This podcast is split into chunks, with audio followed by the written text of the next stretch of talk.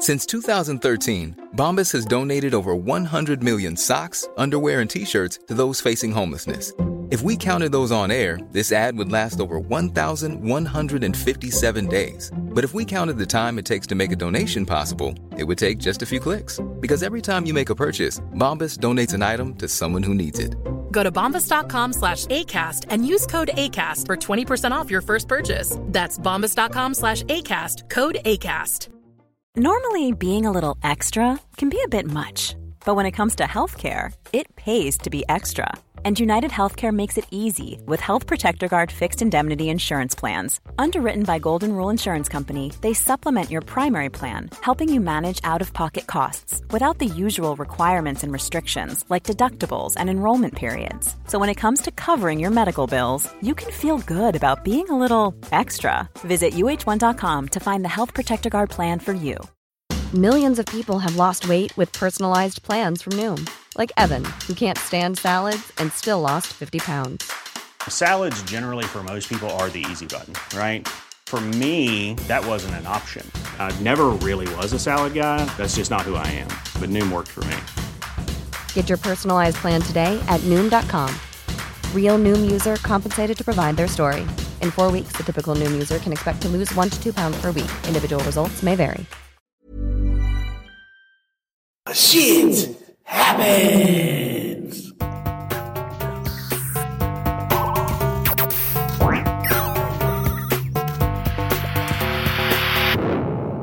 Velkommen til Sinnsyn. Jeg heter Sondre Risom Livre, er psykolog, og dette er Webpsykologens podkast. Hverdagspsykologi for fagfolk og folk flest.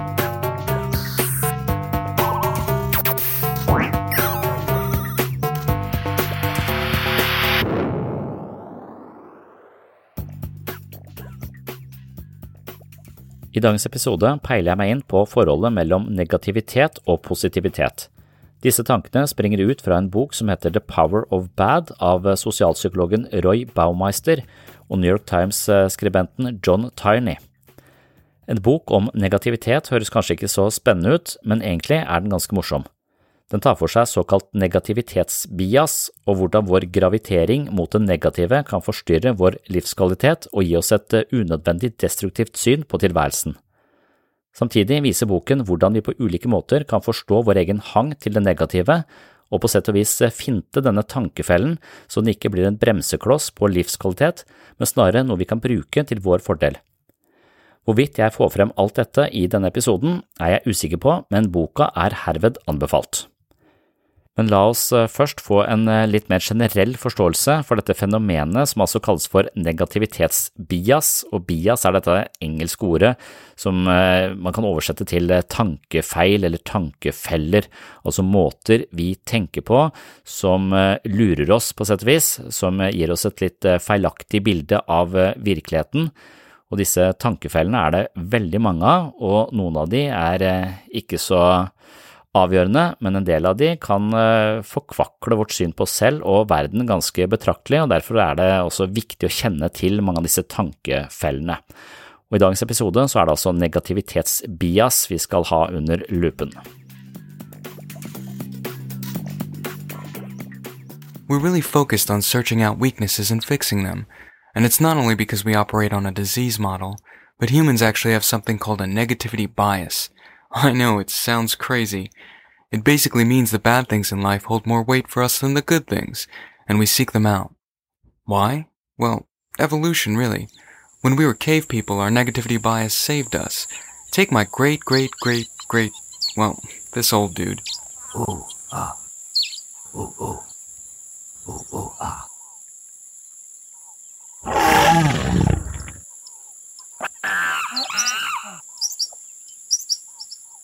As we evolved, our negativity bias became almost second nature for our survival. But in modern society, this bias has other consequences. Think about our relationships. Sometimes we glaze over the good stuff. Like at work. I've got your evaluation here. Looks like you're doing a great job. You're a diligent worker. Clients love you.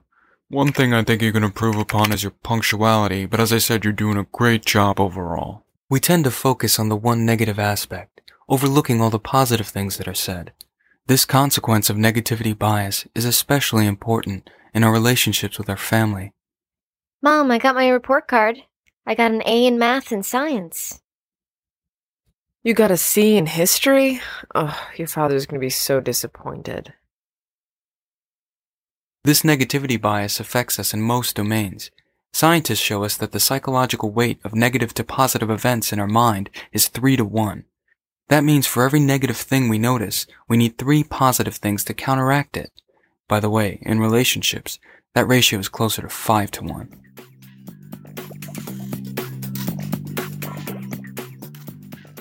Poenget er at en tendens til å legge merke til alt som er negativt, har en åpenbar overlevelsesverdi.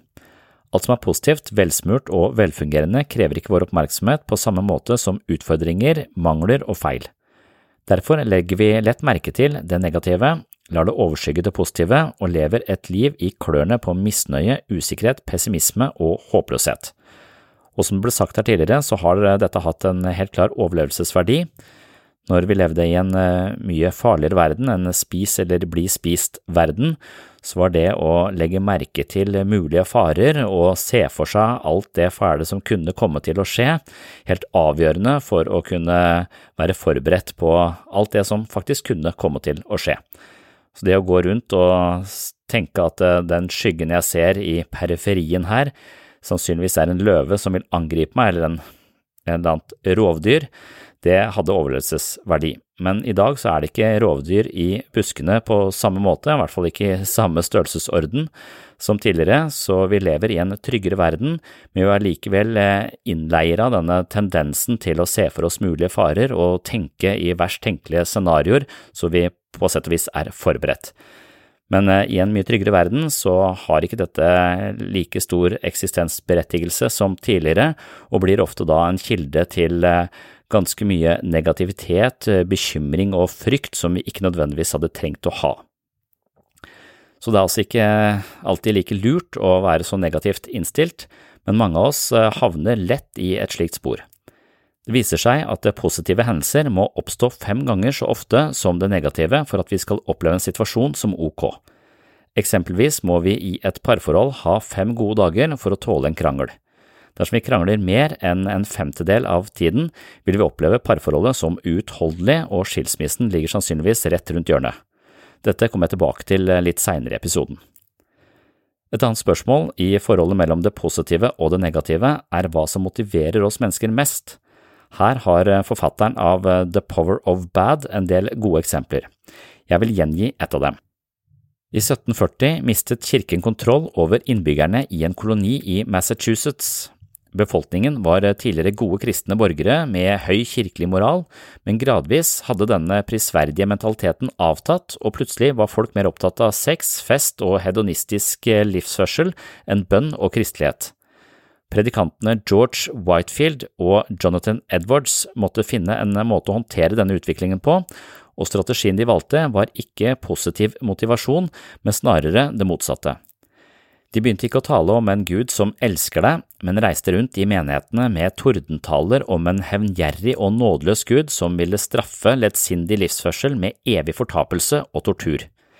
Det viste seg å fungere særdeles godt, folk kom tilbake til kirken og tok seg sammen så godt de kunne. Plutselig hadde kirken det høyeste medlemstallet noensinne. Poenget i denne lille vignetten er som følger. Negative insentiver er mer effektive enn positive insentiver. Dette berører den evinnelige debatten om hva som er mest effektivt av ros og ris. Er det en gulrot eller riset bak speilet som endrer folks atferd på en mest mulig effektiv måte? Svaret er at stort sett er riset bak speilet mest effektivt. Årevis med studier innenfor sosialpsykologi viser at mennesker er mer motivert av å unngå negative utfall enn å oppnå positive resultater. Røde Kors gjennomførte en studie hvor de sendte ut eh, masse brev hvor de anmodet folk om å bli blodgivere. I halvparten av brevene sto det at man kunne redde liv, mens i den andre halvparten sto det at man kunne forebygge unødvendige dødsfall med nok blod i banken.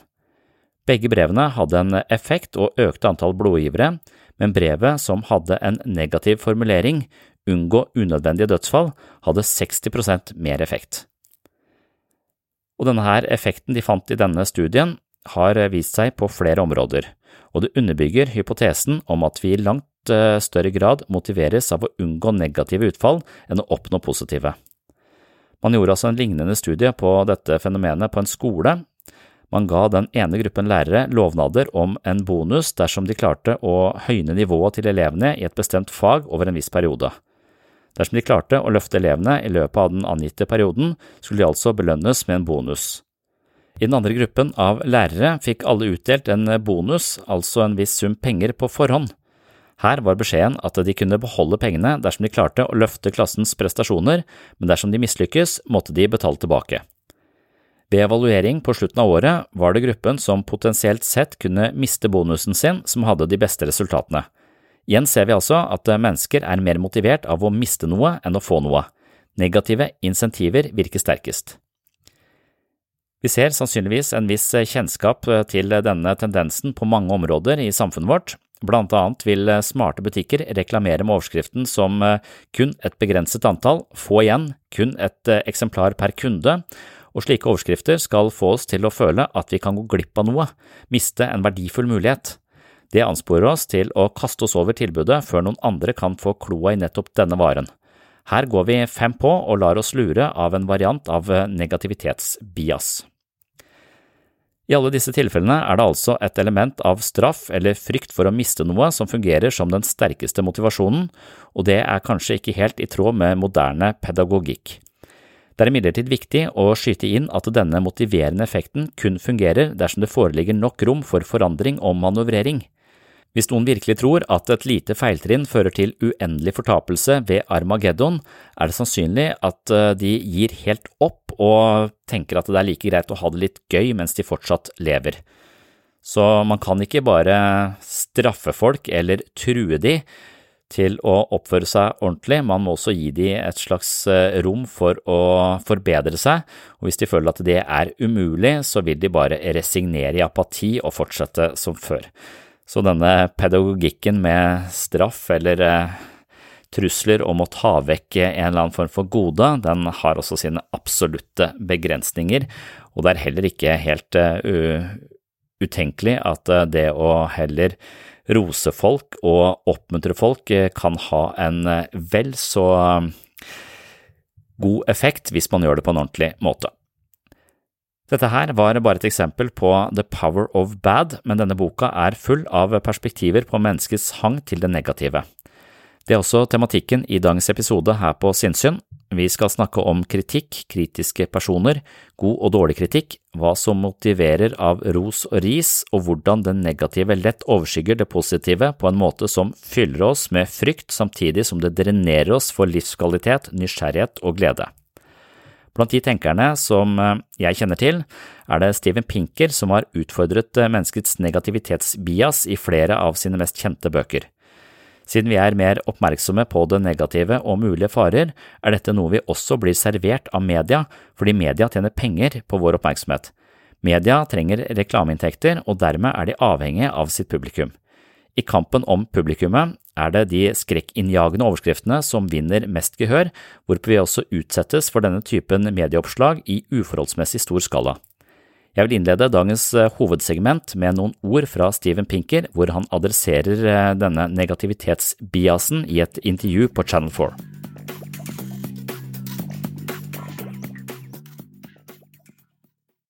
Speaking to your point, though, it, it, your your observation about human psychology is correct. There is a well documented phenomenon known as the negativity bias. Uh, one version of it is the uh, phenomenon of loss aversion that Daniel Kahneman and Amos Tversky documented, mm. that people dread losses more than they savor or anticipate gains criticism stings more than praise uh, uh, elevates. We have a better memory for uh, things that go wrong than things that things that go, can go right. However, it is not true that that uh, political rhetoric, therefore, must uh, appeal to the negative because there have been fantastically successful politicians who have had a note of optimism, even in dark times. Perhaps most Especially famously, dark times. well, Franklin Roosevelt. Yeah. We have nothing to fear but fear itself. Yeah. Um, on the on the right, Ronald Reagan, during a period of double-digit inflation and unemployment, Hmm. had an optimistic message. Barack Obama, not so long ago, was elected twice with a message of hope and change. So it, it can be done by a skillful politician. Perhaps things aren't miserable enough for Donald Trump's message to be overturned. so, so here's my, my question: with, you know, you make a very coherent argument for looking on the bright side. You know, you're a half, you know, glass half full guy. How come there is really no politician of prominence in America that is able to come up with that message, or indeed in this country? Right? Yeah, Where- yeah, they're, yeah, they're not- busy not right hating now. Trump, but we're the kind of we're the lovers of the other thing. No, I, I think that's that's a it's a good question. By the way, it's the, the message of the book is not let's look at the let's see the glass as half full. It's uh, let's let's see how full the glass is. Hmm. Again, the problem is I, I, this is not a book about optimism. This is a book about accuracy. Uh, the the fact that global poverty has declined by uh, fifty percent in thirty years is not looking at the bright side. It's a fact that people don't know. Jeg har av tenkt at, den, at kritikere, altså deres hovedoppgave, hvis man tenker sånn filmkritikere eller musikkritiker eller noe sånt noe, altså hovedoppgaven deres er jo å kunne noe eh, om et felt, eh, og kanskje kunne litt mer enn allmennheten om det feltet, sånn at de kan peke på ulike elementer eh, i en film, og kanskje starte en samtale om den filmen som kan utforske den filmen og åpne litt nye dører i ja, et musikkstykke eller film osv. Så videre. sånn at, det, så at en kritiker eh, er der for å skape litt mer dybde og litt mer forståelse. Sånn sett så er det en veldig viktig oppgave å ha, og det kan jo ligne litt på det vi driver med i gruppeterapi. Det, vi, vi prøver å, å utforske ulike elementer som uh, fungerer, men også ulike elementer for oss selv som ikke fungerer så uh, optimalt. Og Da gjelder det også å finne nyansen i det, og det er liksom kritikerens uh, oppgave. Så kan man kanskje se for seg at eh, kritikere er noen som eh, selv er mislykka kunstnere, f.eks. Altså mislykka musikere, de blir eh, De triller terninger i avisene. Og det kan jo selvfølgelig hende. Men det, også, det er også mange eksempler på at veldig dyktige musikere er kritikere, og veldig dyktige forfattere er litteraturkritikere osv. Så videre. sånn at det, det kommer litt an på. Så, så det å være kritiker bør kanskje bli sett på som et fag. da, Som at du er nødt til å kunne ganske mye om det eh, feltet eh, du, du sier noe om. Og problemet i dag er kanskje at eh, alle er kritikere. For alle driver også får en sånn magefølelse eller en impuls på hva de syns om en film, og så driver de også og spytter det ut overalt i sosiale medier osv. Så, videre. så de som virkelig kan noe om det, de som er de, de viktige kritikerne, drukner da i en sånn støy av alle andres meninger. Og det er ikke spesielt eh, konstruktivt, sånn jeg, sånn jeg ser det. Eh, Så, så hvis man først skal si noe om et eh, felt, så bør man kanskje kunne noe, kunne noe om det. Og det er derfor det Jeg vet ikke om jeg, jeg har ofte tenkt at det å være psykolog f.eks., eller jobbe med psykisk helse, handler litt om handler stort sett om personlige egenskaper. Når det kommer til et stykke, så bør man også kunne noe om feltet. Da. Man bør, bør vite litt om feltet, sånn at man eh, ja, akkurat som en kritiker bør vite litt om musikk. Men at vi driver litt på samme måten. Og da er jo det spørsmålet så hvordan er du en god kritiker?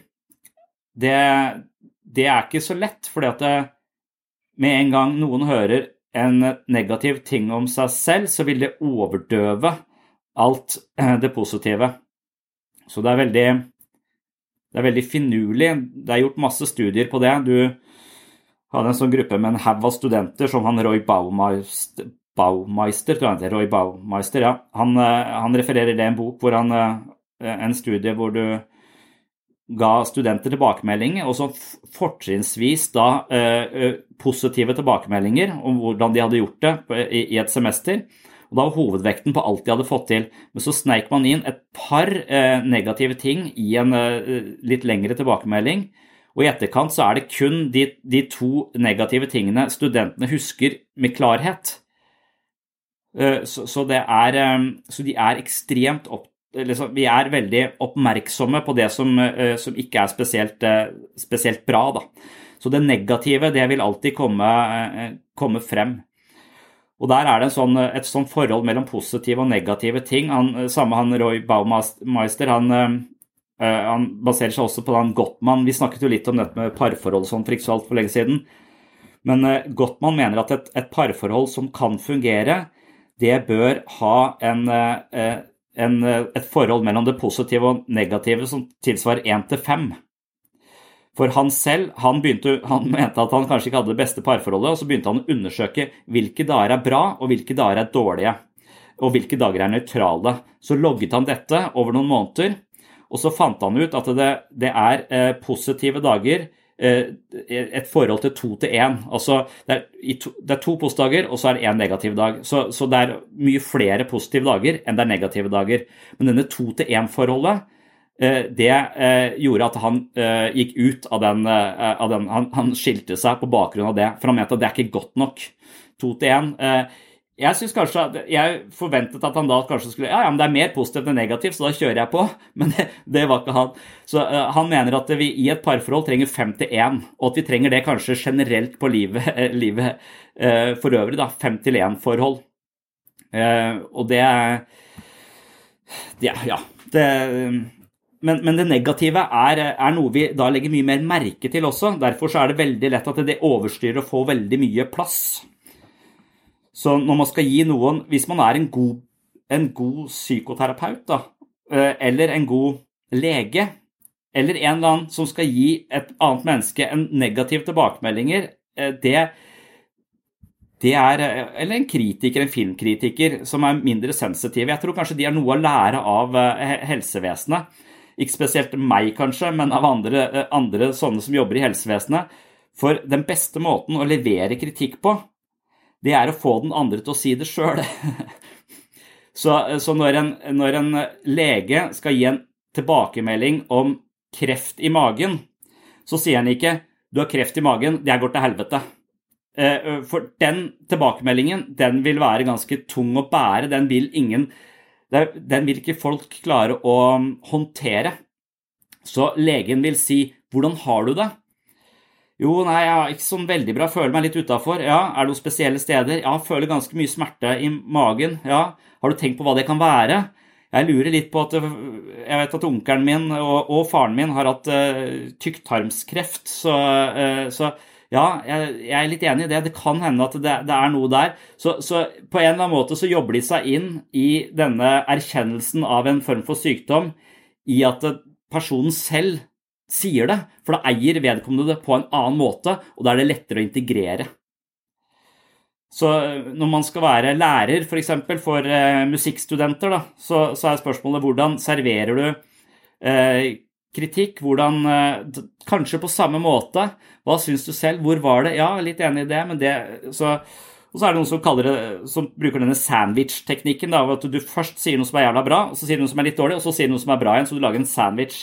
Men det er visst ikke så veldig effektivt, for da henger vi oss bare opp i det som er i, er i, midten. Men hvis vi klarer å integrere dette i en samtale hvor vedkommende selv kommer fram til, eh, til dette her, så eier personen det på en annen måte. Jeg er ikke så god på det som, eh, som terapeut, føler jeg. Jeg sier ting ganske, ganske rett ut, men så, så er det vel det også Ja så jeg følte jeg lærte noe av den boka til han Roy Baumeister som jeg leste for litt siden, eh, om det å eh, servere kritikk.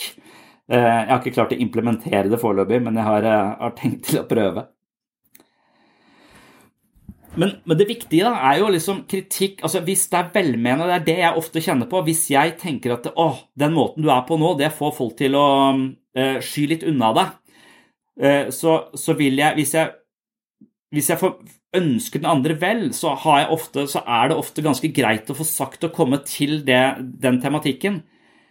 Men hvis man, er, hvis man er en kritiker som eh, tufter sin egen kritikk på en underliggende følelse av tilkortkommenhet selv, f.eks. denne mislykka musikeren som egentlig misliker at andre eh, lykkes på det feltet vedkommende selv ikke har lykkes på, så er det kanskje behefta med masse eh, underliggende emosjonelt grums da, som kommer til overflaten som de ikke er klar over. Så de ønsker egentlig å tråkke på andre for å, eh, for å komme i en slags rettferdig balanse fordi de selv har blitt tråkka på eller ikke føler seg gode nok på et område. Og Det er også sånne ting man må, man må gå, noen, eh, gå noen runder med. Så jeg tror de personene vi opplever som ikke-konstruktive kritikere, det er de menneskene som eh, som på en eller annen måte ikke tar ans... Eller har mye uavklarte komplekser i seg sjøl som de bare gulper opp og, og, og, på en måte projiserer ut og skyter på andre for sin egen tilkortkommenhet. Da. Og at det er den typen mennesker vi har problemer med å, å omgås. Og her er det også ganske sånn uh, problematisk, for her viser ganske mye forskning at det, det derre ordtak man har hvis man har en, et råttent eple i en hel kurv med epler, så er hele kurven ødelagt, på en måte, eller alle eplene er ødelagte. Og det stemmer til en viss grad. For man kan se det f.eks. I, i et arbeidsmiljø eller en, en, i en familie eller i en flokk med mennesker, så vil en person som er ekstremt negativ, kunne ødelegge hele, eh, hele miljøet. Og når man har forsket på det, så har man gjort sånn at eh, emosjonelt ustabile mennesker, veldig emosjonelt og modige mennesker, man har, eh, man har, kartlagt dette, og så har man laget grupper med mennesker som ikke er det. Og så har de fått de til å samarbeide om et prosjekt. Og så har man laget en gruppe med mennesker som, som er ganske stabile og gode til å samarbeide. Men man har putta inn én veldig emosjonelt ustabil person, og så har man laget en hel gruppe med bare ustabile eh, personer som, som fyrer i alle retninger. Og den gruppa som bare har én ustabil person, fungerer like dårlig som den gruppa som bare har ustabile personer. Så, så da er det denne ene ustabile personen kan altså ødelegge hele kurven, da, kan man si. Så negativitet og det å være frekk mot andre, eller det å hele tiden fraskrive seg ansvar, mange måter å være negativt i et miljø på. Det kan ofte smitte også.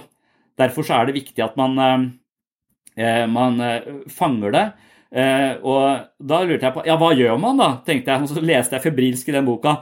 Det sto man må oppdage det tidlig og intervenere raskt. Og så sto det ikke hva intervenere var for noe. hva betyr det å plukke opp disse menneskene på et tidlig tidspunkt? Eh, og, og, men jeg tror man kanskje får ha en fornemmelse av det, at man prøver å inkludere de, at man prøver å, å eh, ikke Ja, man prøver å å, å få en slags overvekt av positivitet eller sånn lekenhet som gjør at dette negative rasket ikke får noe plass. Det, det, får ikke noe Med en gang man tar til motangrep og begynner å krangle med vedkommende, så har man liksom Det er da hele, eh, hele miljøet vårt er ødelagt. Hvis man klarer å bare hylle det inn eh, og ikke legge så mye merke til det og på en måte fange det på et tidlig tidspunkt, så tror jeg kanskje man kan gjøre noe med det. Jeg tror å gå til frontalangrep på det ofte bare vil eskalere konflikten. Men det å prøve å infiltrere og bli venn med vedkommende og påvirke vedkommende, det tror jeg er en bedre strategi. Eh, å ikke la dette eh, negative få lov til å koke over. En annen måte er å bare flytte vedkommende til en annen avdeling, sto det. det er jo ikke alltid så lett. Eh, men det er interessant altså, at, at, negativitet, altså det å være kritisk, det kan være en veldig positiv ting. Eh, fordi det starter en samtale og avslører ulike dynamikker som vi kanskje er viktige at vi kan se på. Det må serveres på en god måte. Men når denne kritikeren egentlig bare eh, genererer masse galle for å bli kvitt det sjøl, så er det eh, særdeles destruktivt og kan ødelegge ganske mye i et, eh, i et miljø. I mean, being a cop's a hard job, man. It's a hard fucking job, man. I mean, honestly, I don't think they pay cops enough. I don't think they pay police enough. And you get what you pay for. but here's the thing, man. When, whenever the cops gun down an innocent black man, they always say the same things, man. They always say the same thing. It's like, well, it's not most cops. It's just a few bad apples. It's just a few bad apples. Bad apple. That's a lovely name for murderer. it's like, how'd they get that one? Bad apple. That almost sounds nice. I mean, I've had a bad apple. It was tart, but it didn't choke me out. Uh, uh, here's the thing. Here's the thing. I know it's hard being a cop. I know it's hard. I know that shit's dangerous. I know it is, okay? But some jobs can't have bad apples. Okay? Some jobs, everybody got to be good. Like pilots. You know? American Airlines can't be like, you know, most of our pilots like to land. We just got a few bad apples that like to crash in the mountains. Please bear with us. Så da er balansen med dette med ærlighet, da. Var det ikke det? Altså ærlighet kontra ljuge. Og ærlighet varer jo lengst, men eh, jeg syns veldig mange bruker ærlighet på den måten hvor de ikke helt kjenner sin egen motivasjon. For de sier 'jeg var bare ærlig'. Ja, du serverte den kritikken direkte, og det var kanskje sant det du sa, men måten du sa det på skadet vedkommende og gjorde ikke noe godt annet enn at vedkommende nå føler seg generelt sett miserabel og sannsynligvis kommer til å gi opp dette, dette feltet totalt. Så jeg tror fortsatt du kan være ærlig, men klare å servere dette på en sånn eh, eh, legeaktig måte. hvor eh, En god lege, da, det er mange leger som bare sier det rett, rett ut og mener at det, sannheten skal bare fram. Men jeg tror sannheten kan manes fram på en sånn måte at vi eh, får det i porsjoner som, eh, som, vi kan fordøye og bruke til noe konstruktivt, og ikke generere til en sånn generell følelse at jeg er totalt eh, eh, verdiløs. Men, men tror du at den, den beste kritikeren også vil ha i mente at alt den tenker og føler er feil. Sånn at hvis jeg skal oppleve et annet menneske og gi en tilbakemelding, så vil jeg hele tiden være sensitiv for at min opplevelse også kan være farge alle mine nevroser. Så jeg ikke tror at jeg bærer noen absolutt sannhet om dette, men kanskje i utgangspunktet da går litt, eh, litt mer forsiktig fram og undersøker Eh, og er litt nysgjerrig på finnes denne erkjennelsen av at det ikke var helt optimalt hos deg også, hvis jeg spør deg til det. Hva tenkte du om akkurat denne biten av, av dette? Sånn at du, du kanskje kan i, i, første omgang være interessert om andre har hatt en lignende fornemmelse, for å, for å se om din fornemmelse eh, kanskje til og med deles av den andre. Så at du, du har en litt mer eh, en kritiker som tror at de vet hva som er bra og dårlig litteratur, punktum, det vil jo være en, eh, en ganske grandios forestilling hos et menneske. Så kanskje det, den beste kritikeren også vet at alt jeg tenker og føler er feil. Men jeg, jeg husker ikke hvor jeg leste, men jeg, bare den, akkurat den setningen som sa at eh, en, kritisk, en kritikers oppgave er å starte en samtale.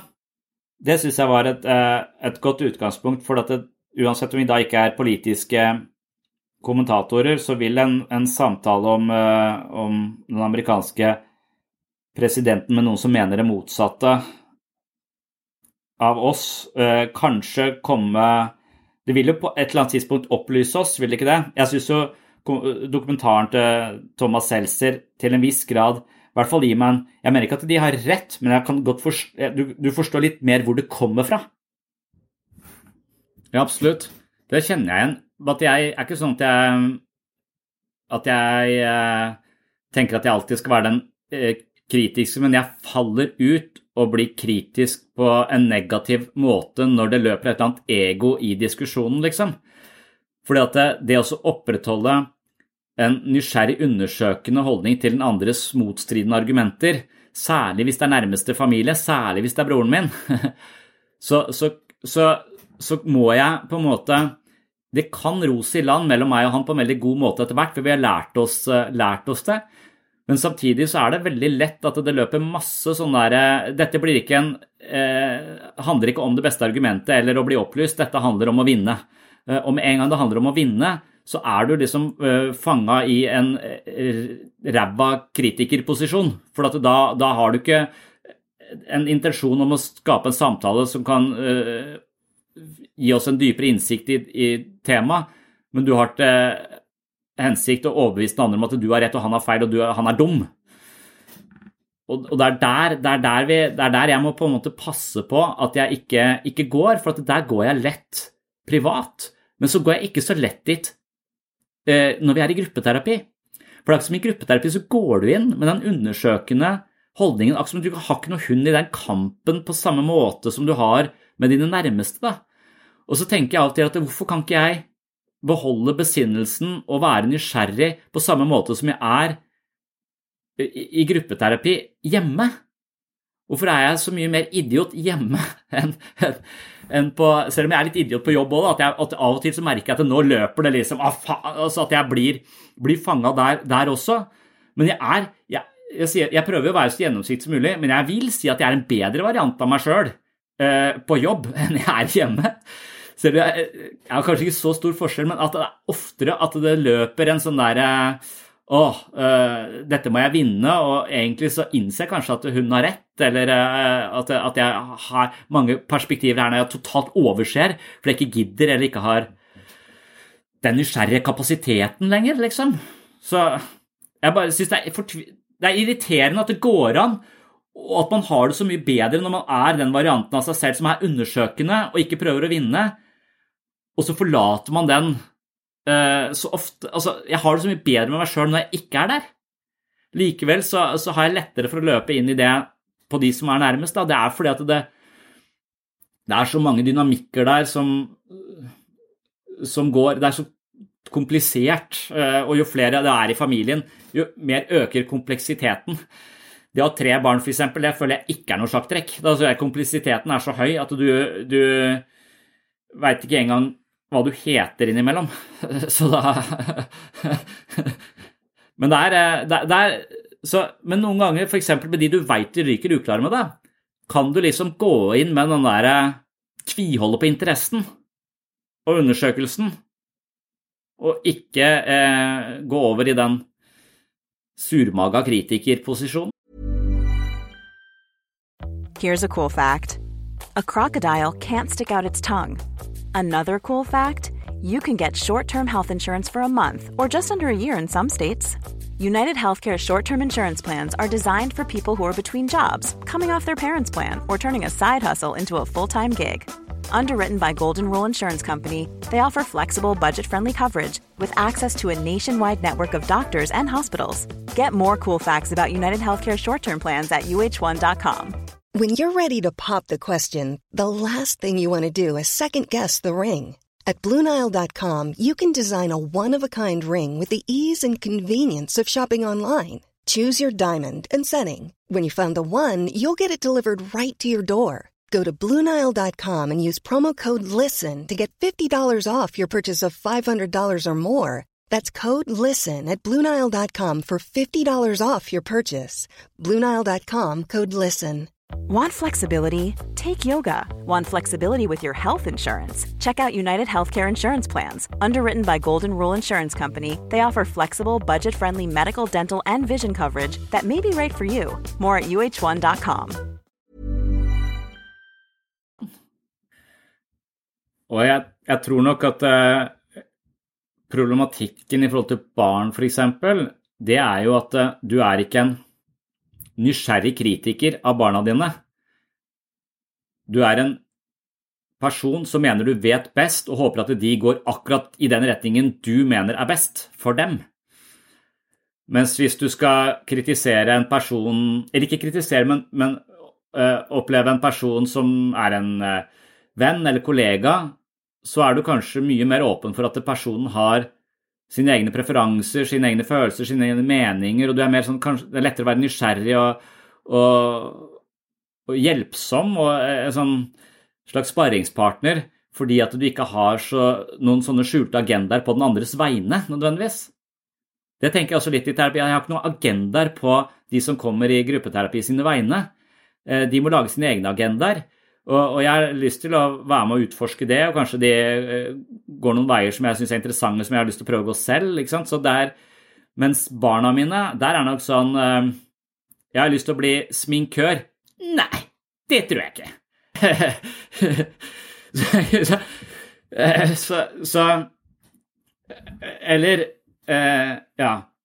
Ikke sant? For da har jeg så mange sånne fordommer. Jeg har lyst til å bli frisør. sier Nei, det tror jeg heller ikke. Det er ingen frisører som holder ut så lenge, for du får sånn senebetennelse i armen, så det er ikke noe lurt. Det er ikke varig.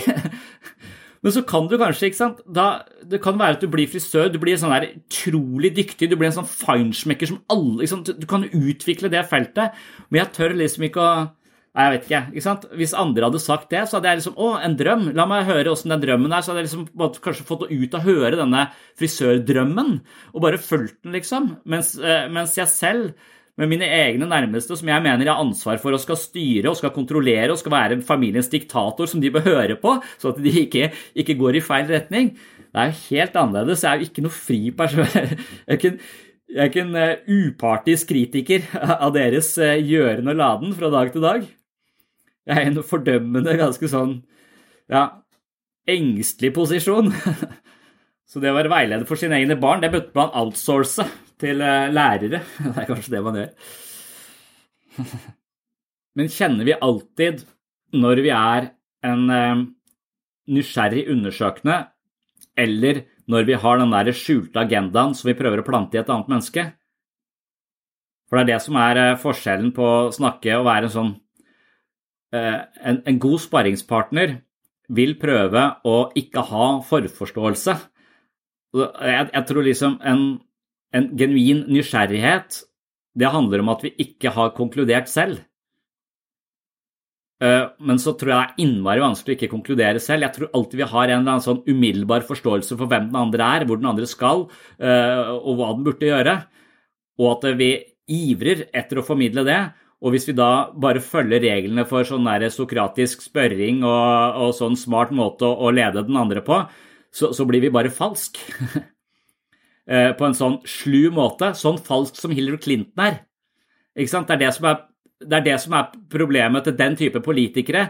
At de, de har en sånn eh, Det er det som er den mistilliten baserer seg på. At de, de, har en agenda, og de vet hvordan de skal servere den og få andre til å, å spille på den samme strengen, liksom. Mens, eh, mens Donald Trump er noe helt annet. Han er ærlig i all sin uærlighet, nærmest. Så, eh, så det, det, er et eller annet appellerende ved den gjennomsiktigheten. Jeg er en gjennomført jævlig person. Takk for at du sier det. men Silje Clinton er Jeg er en jævlig person, men jeg later som jeg ikke er det. Eh, det er nesten eh, Jeg skjønner ikke hvorfor vi bare skal ha sånne statsledere. Kan vi ikke bare ha en gjennomført god person, f.eks.? Eh, det hadde vært en alternativ. Men kjenner vi det selv når vi er denne Når vi med en gang vi har denne agendaen hvor vi mener vi vet bedre enn den andre, og, og, så, så, er vi ofte på et eh, Og det kan jo være vi vet bedre enn den andre, altså, men, eh, men, vi kan jo Da har vi glemt at alt vi tenker og føler, er feil. Men jeg føler også det er litt sånn livslang kamp, da, for at jeg, eh, jeg sier det hele tiden, men jeg lever jo ikke etter det. Jeg er forholdsvis bombastisk og skråsikker. så ser du jeg driver og maner fram dette mantraet om at alt du tenker og føler er feil. Så, men, men, jeg bare håper selv da, at jo mer jeg sier det, jo mer tror jeg på det. det er sånn fake it till you make it i det men det er vel for å, for å, langsomt prøve å bli en litt mer uh, ydmyk variant, da. Jeg lærte så mye på universitetet der med fenomenologi. Det å gå inn i et felt uten å tro at du kan jo være en sånn derre uh, slags totalt nøytral observatør. For det er det som er mangelvare i psykologi, og det som gjør at det hele det psykologiske fagfeltet liksom står for fall. Da, fordi at alle de studiene som er gjort, de er gjort av mennesker som har en bestemt hypotese de ønsker å få bekrefta.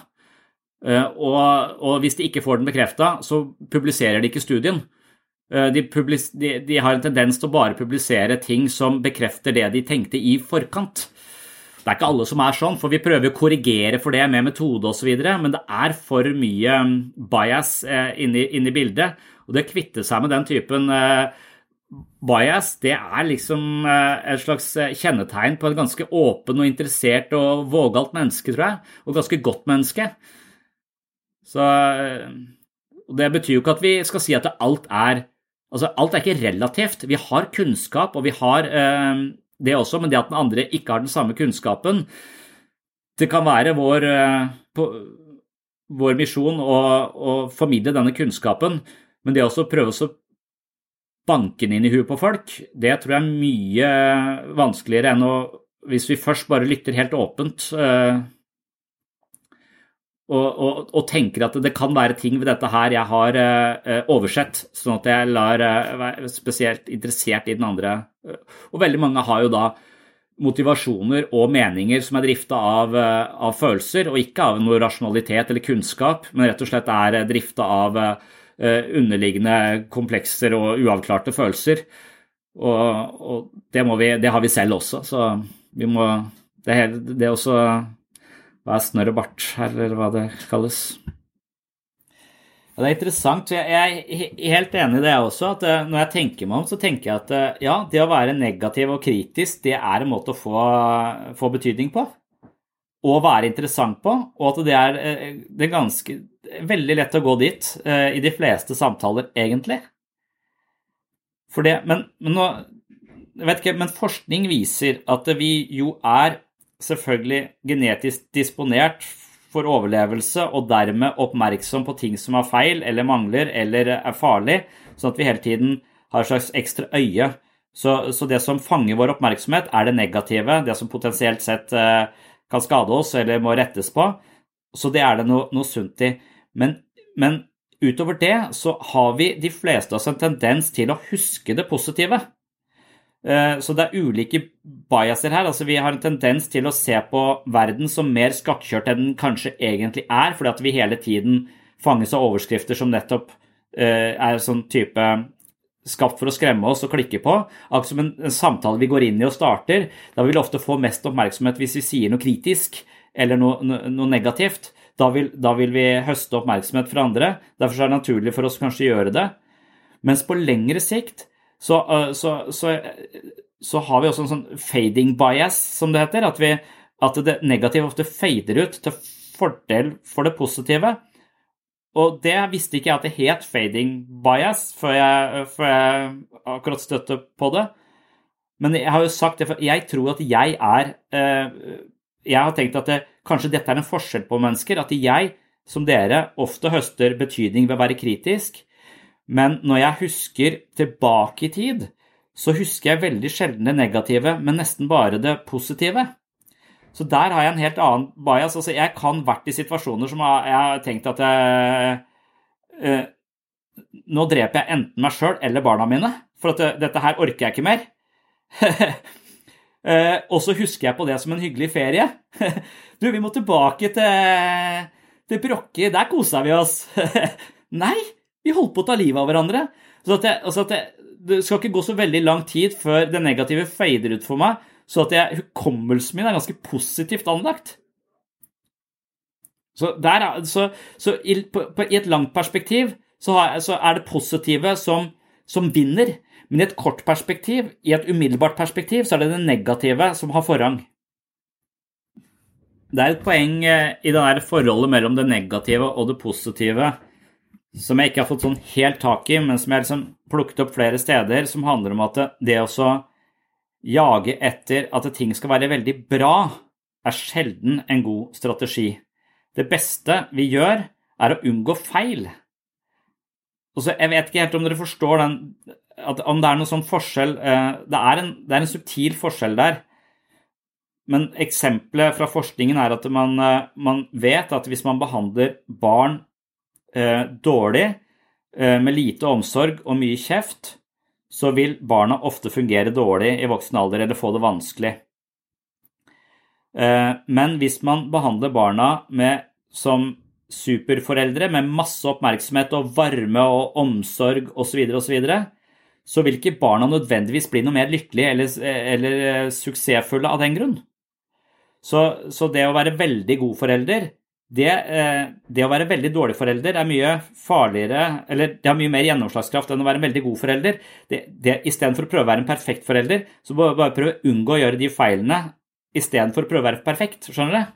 At det, det, å være en perfekt forelder, det har ikke så veldig mye å si. Men det å ikke være en forelder som gjør feil hele tida ved å kjefte og, og ikke gi barna oppmerksomhet så, så, det tenker jeg av og til på at, at i, i, denne situasjonen så klarte jeg å Jeg var ikke sånn der, jeg håndterte det ikke etter boka, jeg var ikke verdens beste pedagog, men jeg klikka ikke i hvert fall. Eh, så, så jeg gjorde det bare helt sånn middelmodig. Altså, jeg bare gikk unna eller var litt smågretten, men jeg var ikke sånn der nå må dere faen meg holde kjeft, og da er jeg dritlei av dette maset. Jeg var ikke der. Så hver gang jeg ikke er der, så har jeg liksom uh, unngått um, en sånn en, en, negativ. Og for at et, et, liv skal fungere, så må det være fem, fem positive på én negativ. ikke sant?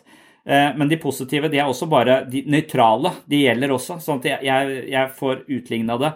Så istedenfor å prøve å være en perfekt pappa, så skal jeg bare være, prøve å være en pappa som ikke gjør feil hele tida. At det, er en bedre strategi, faktisk. Men det er det, det er det, motsatte å være perfeksjonist, da, som vi også snakket om uh, sist. For perfeksjonismen den, den vil jo smøre misnøye og selvforakt utover hele livet. Fordi at perfeksjonisten ofte har en, uh, har en slags, veldig høythengende standard som nesten er umulig å leve opp til. Uh, og dermed så vil enhver suksess som i andres øyne vil oppleves som en suksess, men som i forhold til vedkommende ikke da når opp til de høythengende standardene, vil se, bli betrakta som fiasko. Så, så dermed så, så, vil man aldri få noen glede eller livslyst av den, den mentaliteten som ligger i perfeksjonismen. Så perfeksjonismen er jo giftig. Så, så, det å hele tiden skyte etter perfekte ting, det er, det er nesten en slags oppskrift på et ræva liv. Eh, og kritikeren er kanskje litt i den banen, da, hvis den, den kroniske kritikeren har kanskje sånne standarder som kan, på et eller annet nivå er nesten umulig å leve opp til. Og uansett da, hvis ting går rimelig greit, eh, og vi ikke går i de største fellene, så anses ikke det som en, en god ting. Det anses bare som middelmådig og ræva. Og i og med at eh, perfeksjonisten ofte har en tendens til svart-hvitt-tenkning, som altså er enten-eller-tenkning, så, så, vil de ikke kunne høste noe glede i, i at Altså, jeg, jeg, prøver, jeg, prøver, å lære meg til at jeg blir ikke noe superpappa, men når jeg er den pappaen som uke etter uke ikke gjør disse svære brølerne, så er jeg jævla fornøyd med det. Uh, og det gir meg en slags glede å være middelmådig. det er ikke så veldig ambisiøst, men det, det gir bedre livskvalitet. Nei, men at jeg, jeg, er mye bedre pappa når jeg ikke er sånn i selvforakt. For jeg blir veldig rask i selvforakt hvis jeg mener at jeg gjør ting eh, feil. Så det å prøve å gjøre ting perfekt, det er veldig stressende for meg. Men det å klare å unngå feil, det er litt lettere for meg, faktisk. Eh, og, og da slipper jeg unna det selvforaktet og det mørke hølet hvor jeg for med en gang jeg begynner å mislike meg sjøl på måten jeg er på, så, så, gjør jeg det ikke bedre i neste sving, liksom. Det er en veldig sånn negativ eh, spiral som jeg kan komme inn i. Så, så, så, jeg tror nok at jeg er mye mer optimal uh, når jeg er middelmodig, og at de opplever meg også som det. For det, da er humøret mitt annerledes, rett og slett. Fordi at jeg har klart å legge standarden der. For jeg har innsett at det, problemet er, for meg er jo at jeg har 250 sånne selvhjelpsbøker på hvordan være en jævla bra pappa. Uh, fordi kona mi har, jobber med barn og jeg driver med sånn herre KOS-veiledning og eh, heter alt mulig sånn emosjonsfokusert barneoppdragelse. Og, og, det å skulle leve opp til alle de standardene Det er faen meg forskjellig standard i hver bok også. Så uansett om jeg klarer den ene boka, så klarer jeg i hvert fall ikke de 249 andre bøkene uh, som er der. Så jeg har så mange målestokker på hva det vil si. Uh, så, så der, uh, der sikter jeg bare på å gjøre minst mulig feil. Jeg visste heller ikke hvor sint jeg var før jeg fikk barn.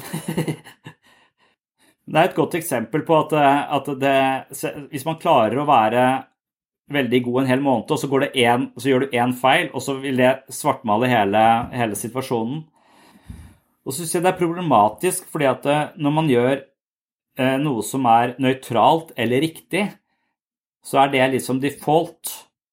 Eh, det, det legger man ikke nødvendigvis merke til når vi spiser kveldsmat og alt går greit og vi legger oss uten at det blir noe sånn 'jeg vil det, jeg vil det, jeg vil først, jeg vil dit'. Så, så, så hver gang vi klarer det uten Eller de, de krangler, men jeg uh, ordner opp på en grei måte, så legger jeg ikke nødvendigvis merke det. Jeg logger ikke det som en uh, suksess.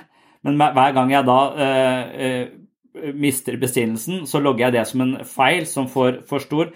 Så da har jeg begynt å tenke på det der 5-1-forholdet, da. Hvis hvis et, et, parforhold er bra hvis det er fem gode dager og én dårlig dag.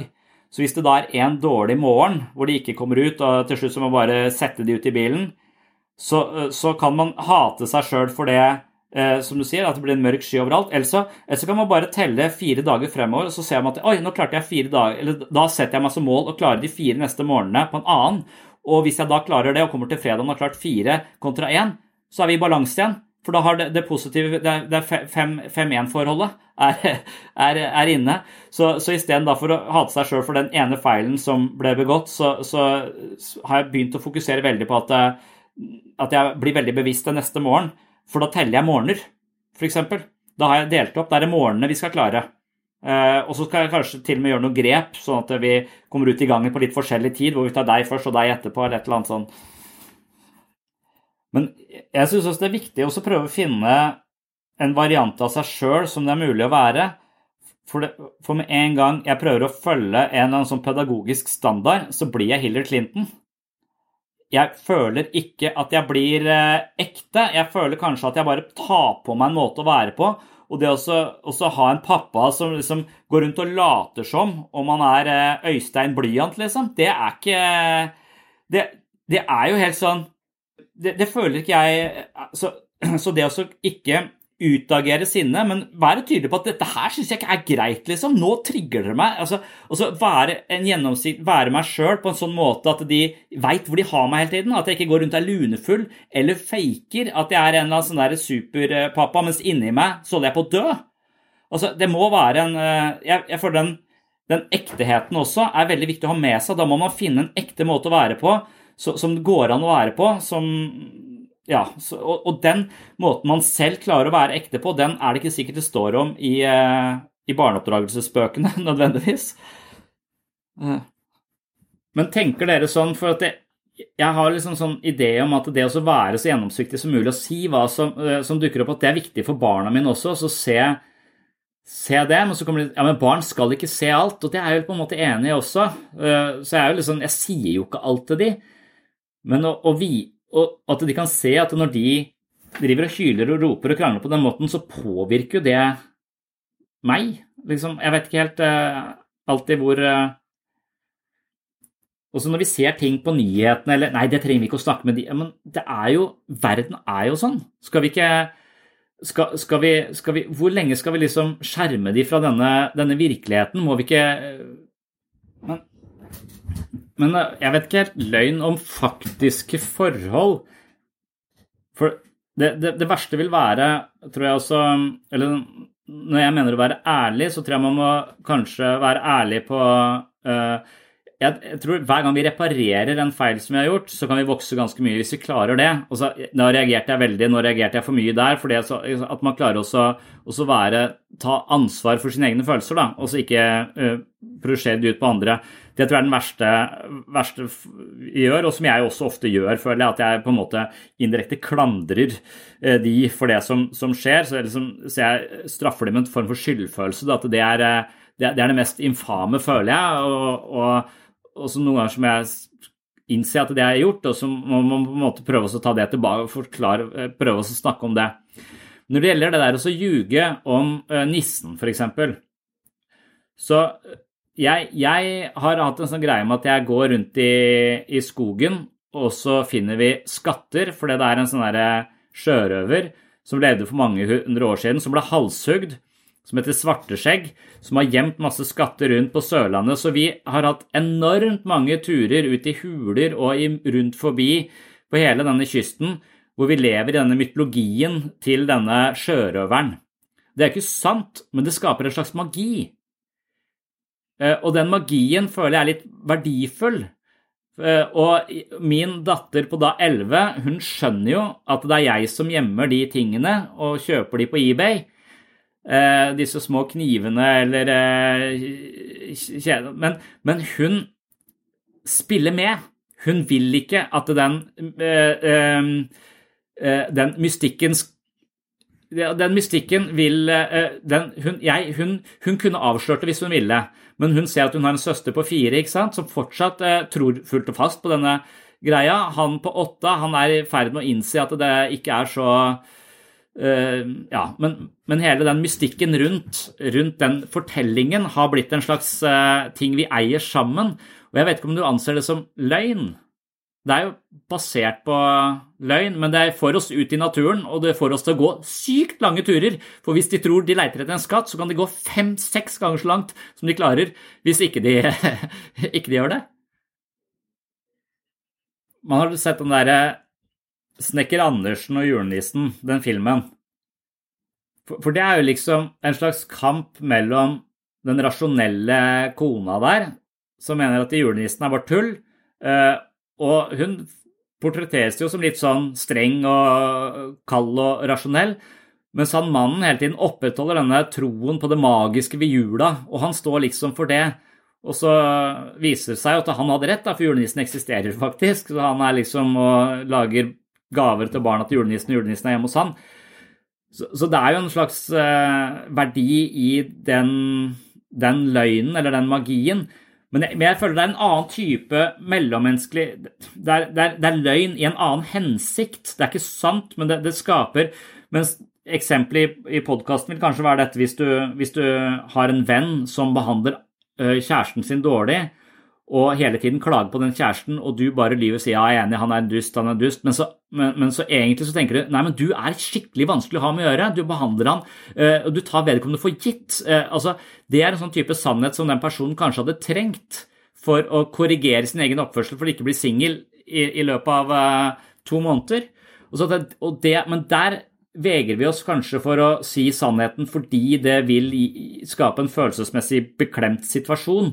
Så den mellommenneskelige løgnen er jo ofte hele tiden eh, tuftet på å ikke gjøre det vanskelig for andre, som regel. Det er ikke så ofte vi, Når du lyver om julenissen, så lyver du ja, jeg vet ikke, Du lyver på en litt annen måte enn når du sier ja, han er en dust til, til en eh, og så er det forskjell på barn og voksne her også, selvfølgelig. Så jeg vet ikke Det kan være Nå har ikke jeg gått inn i dette, denne pannekaka som ruller, men uh, Men eventyrene er jo ikke der for at de skal uh, forberede deg på en sukkersøt verden.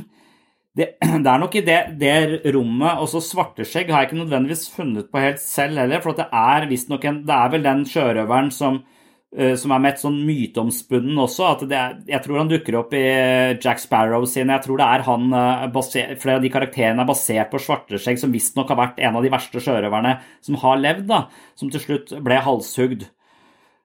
Eh, og vi har for øvrig hodet hans hjemme, på, for vi fant det hodet, en dødningsskalle, gravd ned i en grotte i Egersberg.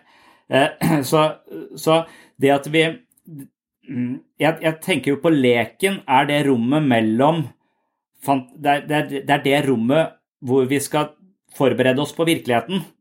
Så, så, vi leker med konsepter og forståelser og ulike varianter av virkeligheten i det rommet som åpner seg i, i leken. Så alle disse psykoanalytikerne er jo så opptatt av at vi skal kunne leke. Så, så barna våre løper jo rundt med en stokk og later som om det er en, eh, et sverd eller, eller en pinne som er en pistol. Og en pistol er en voldelig ting som du dreper andre med. Eh, men i leken så, så kan vi håndtere det og bli kjent med det, og, og det peker på en måte mot virkelige våpen som fins der ute, og verden har det elementet også. Så det er en måte å forberede seg også til virkeligheten på som ikke er eh, Som kanskje er litt sånn som alle vil spise deg, men ikke nødvendigvis. Men det er en del av eh, utviklingsfasene eh, også, da.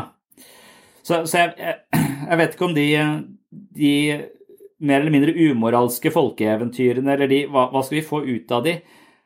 Det kan godt være de er utdaterte, og at mange av de formidler en form for moral som tilhører eh, mennesker som levde for 100 år siden.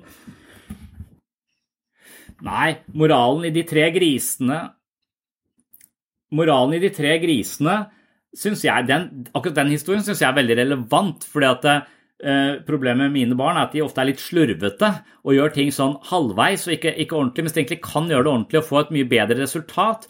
Og, og det å installere den tålmodigheten som skal til for å, for å, få et godt resultat, det er en viktig lærdom for dem. For hvis de bare skal slurve av sted hele tiden, så kommer de til å Alt kommer til å bli sånn halvferdig. Eh, så, så det, det, det vitner bare om uh, gjør ting litt uh, ordentlig. For det, det har en verdi. Men jeg skjønner hva du, eh, du sikter til der. Men eh, jeg, jeg, vil da bare holde på at, eh, at fortellingene formidler ting på en litt mer sånn underbevisst måte. Så, så det altså For eh, ja, når, hvis vi snakker om de tre grisene, da.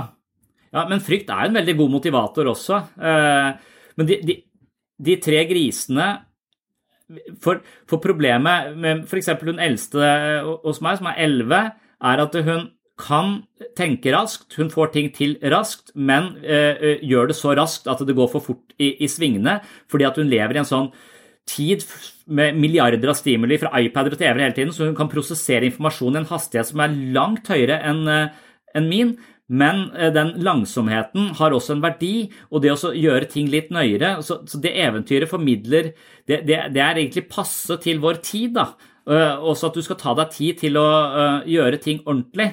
For du kan bare haste videre. og Så, så, så det er et eller annet Jeg, jeg syns at de eventyrene da formidler noe jeg har lyst til å si. så må, du, nå, må du, nå, må du, gjøre det litt mer ordentlig. Jeg kan godt si det som om hun er en voksen person, men det har liksom ikke, noe, det har ikke den samme kraften som, uh, som, som formidles i, en, i et litt lengre narrativ. Så jeg tror er narrativene våre er der for å, for å, guide oss, på en måte. Og du kan si at noen av de er eh, dårlige og forteller bare at eh, verden er et spis eller blir spist sted, så pass deg å være skeptisk til alle. Hvis det er det du får ut av en, en, eh, et eventyr, så er det kanskje ikke det beste eventyret. For, men da vil jeg også være tilbøyelig til å si at kvaliteten på ulike eventyr er også forskjellig. Ja, Det er ikke sikkert vi er helt uenige heller. Jeg tror bare at det, eh, det mytologiske De narrativene har en eller annen sånn uh, dannende karakter som danner oss på, litt sånn, uh, på et litt mer sånn ubevisst plan, kanskje. Akkurat som drømmene snakker til et annet nivå uh, i oss. Sånn at det, det, det også er verdifullt. Og hver gang vi avslører mytologien, så, så, mister den også dannelsesaspektet på et litt mer sånn ubevisst, ubevisst nivå. Så, men, men, på et eller annet tidspunkt så, så, kan man godt liksom løfte eventyr opp til Altså Løvenes konge kan liksom men, men, det vil også si at den ulven, får, den ulven som driver og jager disse grisene, den blir ikke uh, Etter hvert som man blir eldre, så er ikke det lenger en ulv. Det er en, en det, det representerer andre farer i verden ved at du Eh, ønsket å komme med på førstelaget i fotball, det var din drøm, men i og med at du slurver sånn med disse treningene og kommer litt nå og da, så, eh, så mangla du til slutt mengdetrening, selv om du er et kjempetalent og du skusla det bort. Så ulven er eh, det at du ikke tar på en måte og tar deg selv på alvor da, og livet ditt på alvor. Så, det, så ulven får et, kan symboliserer andre utfordringer i livet enn at det er en ulv men at det blir veldig sånn konkret hos barn. Faren når du er voksen, er ikke ulv.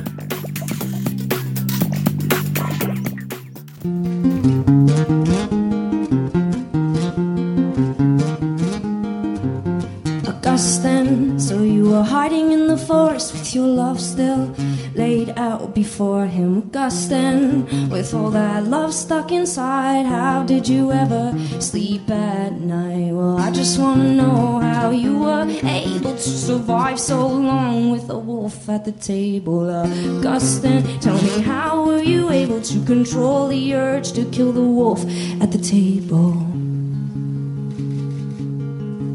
Tusen takk for at du hørte på Sinnsyn. Tusen takk til alle dere som uh, har rata podkasten og gitt den hyggelige tilbakemeldinger i iTunes. Jeg er også veldig glad for tilbakemeldinger i ulike sosiale kanaler, men jeg får dessverre ikke svart på alle disse tilbakemeldingene. Ikke fordi det er så veldig mange, men fordi jeg er litt sånn surrete og ofte prioriterer å lage innhold uh, fremfor å være aktiv i sosiale medier. Men eh, sånn er det. Uansett så får jeg det med meg, så dere som sier godord, det, det varmer, og det jeg, setter jeg stor pris på. Jeg vil også takke alle dere som er Patron-supportere. Som de fleste vet nå, så er det mulig å få masse mer sinnssyn hver eneste måned via patron.com for segs sinnssyn. Der lager jeg øvelser, jeg lager mange flere episoder av eh, sinnssyn, jeg leser bøkene mine, og det er masse videomateriale der som eh, da er tilgjengelig ved å støtte denne podkasten. For eh, som nevnt en milliard ganger så er det forholdsvis kostnadskrevende å drive denne podkasten, og da er det utrolig eh, flott at noen av dere har eh, bidratt til å holde li liv i podkasten ved å tegne et abonnement på Patron. Her kan man eh, velge beløp, det er enten fem dollar eller åtte dollar eller ti-fjorten dollar, tror jeg. Og man kan, kan, også legge inn et helt annet eh, beløp, men avhengig av det, det, abonnementet du går inn på, så får du også en del ekstramateriale, og du er da med på å støtte hele dette prosjektet som handler om å spre psykisk helse og kunnskap og interesse for psykisk helse til så mange som mulig. Så som takk for den støtten, så får man altså en del ekstramateriale inne på Patron. Det var det jeg hadde for denne gang, og The Power of Bad. Så kommer det en ny episode rundt hjørnet. Så stay tuned, og på gjenhør!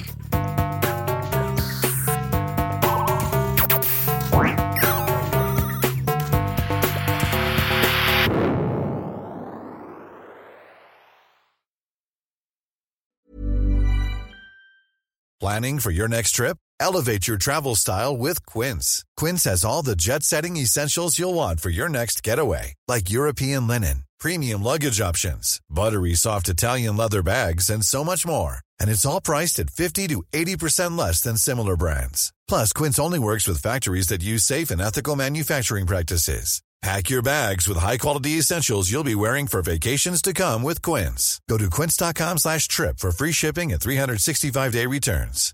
Here's a cool fact. A crocodile can't stick out its tongue. Another cool fact, you can get short-term health insurance for a month or just under a year in some states.